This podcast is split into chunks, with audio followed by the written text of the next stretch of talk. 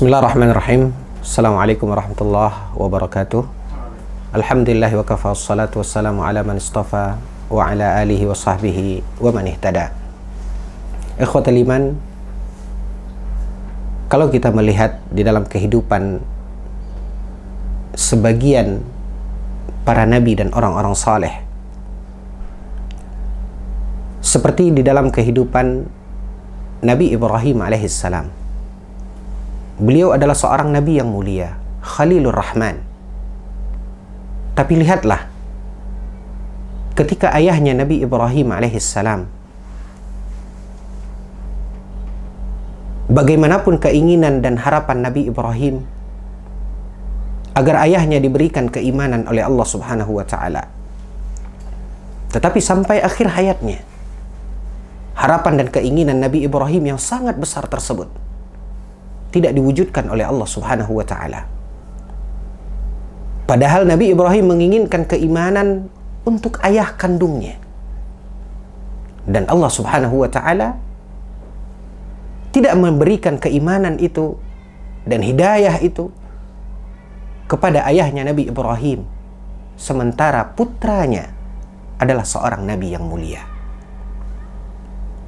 Di dalam kehidupan Nabi Nuh alaihissalam, setelah perjalanan dakwah yang begitu panjang dalam kehidupan Nabi Nuh, sampai akhirnya Allah Subhanahu wa taala menjawab harapan dan keinginan Nabi Nuh.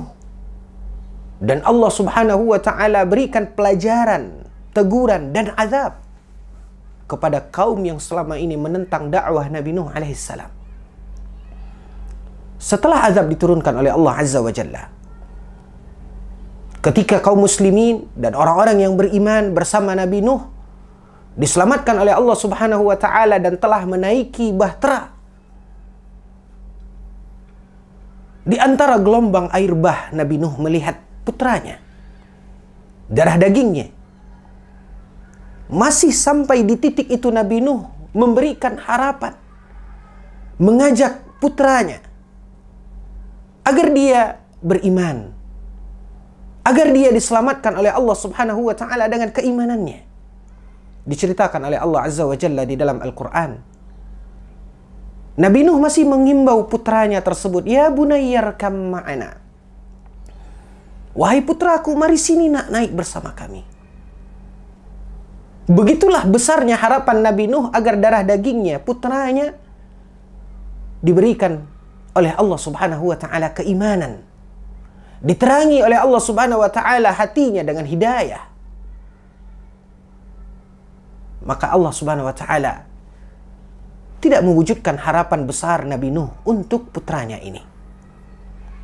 Sampai akhirnya sebagaimana yang diceritakan oleh Allah tabaraka wa taala putra Nabi Nuh ini tetap menepis ajakan dan himbauan ayahnya dan dia mengatakan sa'awi ilal jabal ya'simuni minal ma aku akan berenang ke puncak bukit itu ketika dia melihat di kejauhan ada puncak bukit yang tidak tersentuh oleh air lalu dijawab oleh Allah Subhanahu wa taala sangkaan daripada putra Nabi Nuh di mana dia akan selamat bila mana dia mencapai puncak bukit itu maka dikatakan oleh Allah la asimal yaum tidak ada tempat yang bisa menyelamatkan pada hari itu. Kecuali pertolongan Allah Azza wa Jalla. Kecuali dengan iman. Tapi akhirnya, dengan segala daya dan upaya yang dilakukan oleh putra Nabi Nuh, akhirnya dia sampai ke puncak bukit yang dia tuju. Yang dia kira di situ dia akan selamat. Tapi apa kejadiannya? Apa kenyataannya? Allah Subhanahu wa taala menceritakan fayatihil mauju fakana minal mughraqin tiba-tiba datang gelombang besar. Hempasan ombak yang akhirnya menyeret putra Nabi Nuh sehingga akhirnya dia pun tenggelam, mati dalam kekafiran. Padahal ayahnya begitu besar harapannya agar putranya ini diselamatkan dan diberikan oleh Allah Subhanahu wa taala keimanan. Tapi Allah Subhanahu wa taala tidak menghendaki padahal ayah kandungnya adalah seorang nabi yang mulia. Dan kalau kita melihat ke sisi kehidupan nabi kita sebagai Sayyidul Anbiya wal Mursalin. Begitu besar keinginan dan harapan Nabi Muhammad sallallahu alaihi wasallam agar pamannya Abu Talib yang nyata-nyata sangat mencintai Nabi Muhammad sallallahu alaihi wasallam bahkan berjasa dalam kehidupan Nabi sejak Nabi kecil. Sampai detik-detik menjelang wafatnya Abu Talib Nabi masih berusaha. Agar pamannya ini mengucapkan la ilaha illallah setidaknya di akhir hayatnya. Bahkan inilah yang disampaikan dan dibisikkan oleh Nabi SAW ke telinga Abu Talib menjelang wafatnya Nabi SAW mengatakan, Ya am, qul la ilaha illallah. Wahai pamanku, ucapkan la ilaha illallah. Uhajju laka biha indallah. Jika engkau ucapkan ini, aku akan pasang badan di hadapan Allah untukmu, ya pamanku. Ucapkan la ilaha illallah. Begitu besar keinginan dan harapan serta impian Nabi SAW agar dapat menjadi pembela buat pamannya, yaitu Abu Talib. Tapi lihat, ketika Nabi telah menyampaikan itu kepada pamannya. Dan pamannya pun melihat kepada saudara-saudaranya yang lain. Yang ketika itu ada di sisinya. Menjelang wafatnya. Lalu di antara mereka mengatakan, abaina. Wahai Abu Talib, apakah engkau akan meninggalkan agama nenek moyang kita? Sehingga sampai akhir hayatnya, tidak sepatah kata pun dari kalimat tauhid yang diucapkan oleh Abu Talib Sementara kita tahu keponakan kandungnya adalah Sayyidul Anbiya wal Mursalin. Adalah penghulunya semua para nabi dan rasul. Tapi Allah Subhanahu wa taala tidak menghendaki keimanan pada sosok dan pada diri Abu Talib. Sehingga akhirnya Abu Talib pun menghadap sang pencipta. Tidak ubahnya seperti saudara-saudaranya yang lain yang mati dalam kekafiran dan tidak menjadi seorang yang beriman. Maka ikhwatal iman. Jika kita melihat dan bercermin dalam kehidupan kita dan apa yang Allah Subhanahu wa taala telah hantarkan ke dada kita, ke hati kita dan Allah jadikan kita sebagai seorang pemuda yang beriman, sebagai seorang lelaki yang diberikan oleh Allah Subhanahu wa taala keimanan. Bahkan Allah Subhanahu wa taala telah terangi hati kita dengan hidayahnya. Padahal kita bukanlah siapa-siapa.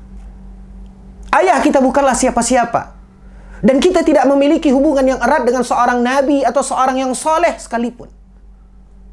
Berbeda dengan apa yang dimiliki oleh ayahnya Nabi Ibrahim, putranya Nabi Nuh, pamannya Nabi Muhammad sallallahu alaihi wasallam. Allah tidak memberikan kepada mereka keimanan sementara Allah berikan iman itu kepada kita. Sementara kita tidaklah memiliki hubungan apa-apa dengan para nabi dan rasul. Dan Allah Subhanahu wa taala tidak memberikan apa yang Allah berikan itu kepada mereka-mereka sementara mereka punya hubungan erat, punya kaitan darah dengan para nabi, dengan para rasul, dengan orang-orang saleh seperti ayahnya Nabi Ibrahim, putranya Nabi Nuh, pamannya Nabi Muhammad sallallahu alaihi wasallam. Maka ikhwatal iman. Jawabannya ketika Allah Subhanahu wa taala berikan kepada kita keimanan, Ketika Allah Subhanahu wa taala telah terangi hati kita dengan cahaya hidayahnya, maka yakinilah berarti kita adalah hamba yang dipilih oleh Allah Subhanahu wa taala. Dan ini adalah sebuah karunia, sebuah anugerah yang Allah Subhanahu wa taala telah berikan kepada kita. Yang harus kita jaga, yang harus kita pelihara, yang harus kita pertahankan dengan harapan mudah-mudahan keimanan dan hidayah itu tetap Allah Subhanahu wa taala letakkan di dalam hati kita hingga kelak kita dipanggil oleh Allah Azza wa Jalla menjadi seorang yang beriman. Syukuri karunia hidayah, karunia iman yang Allah Subhanahu wa taala telah berikan kepada kita. Mudah-mudahan kita bisa mempertahankan dan menjaga hidayah dan keimanan itu sampai akhir hayat kita dan berdoalah kepada Allah Subhanahu wa taala semoga Allah Subhanahu wa taala menyelamatkan kita daripada ketergelinciran. Ya muqallibal qulub, tsabbit qulubana ala ta'atik. Tsabbit qulubana ala dinik. Wahai Allah yang membolak-balikkan hati manusia, teguhkanlah dan tetapkanlah hati kami dalam ketaatan kepadamu, dalam keimanan kepadamu, dalam keistiqamahan kepada agamamu. Wa sallallahu ala nabiyina Muhammad wa ala alihi wa sahbihi wasallim walhamdulillahi rabbil alamin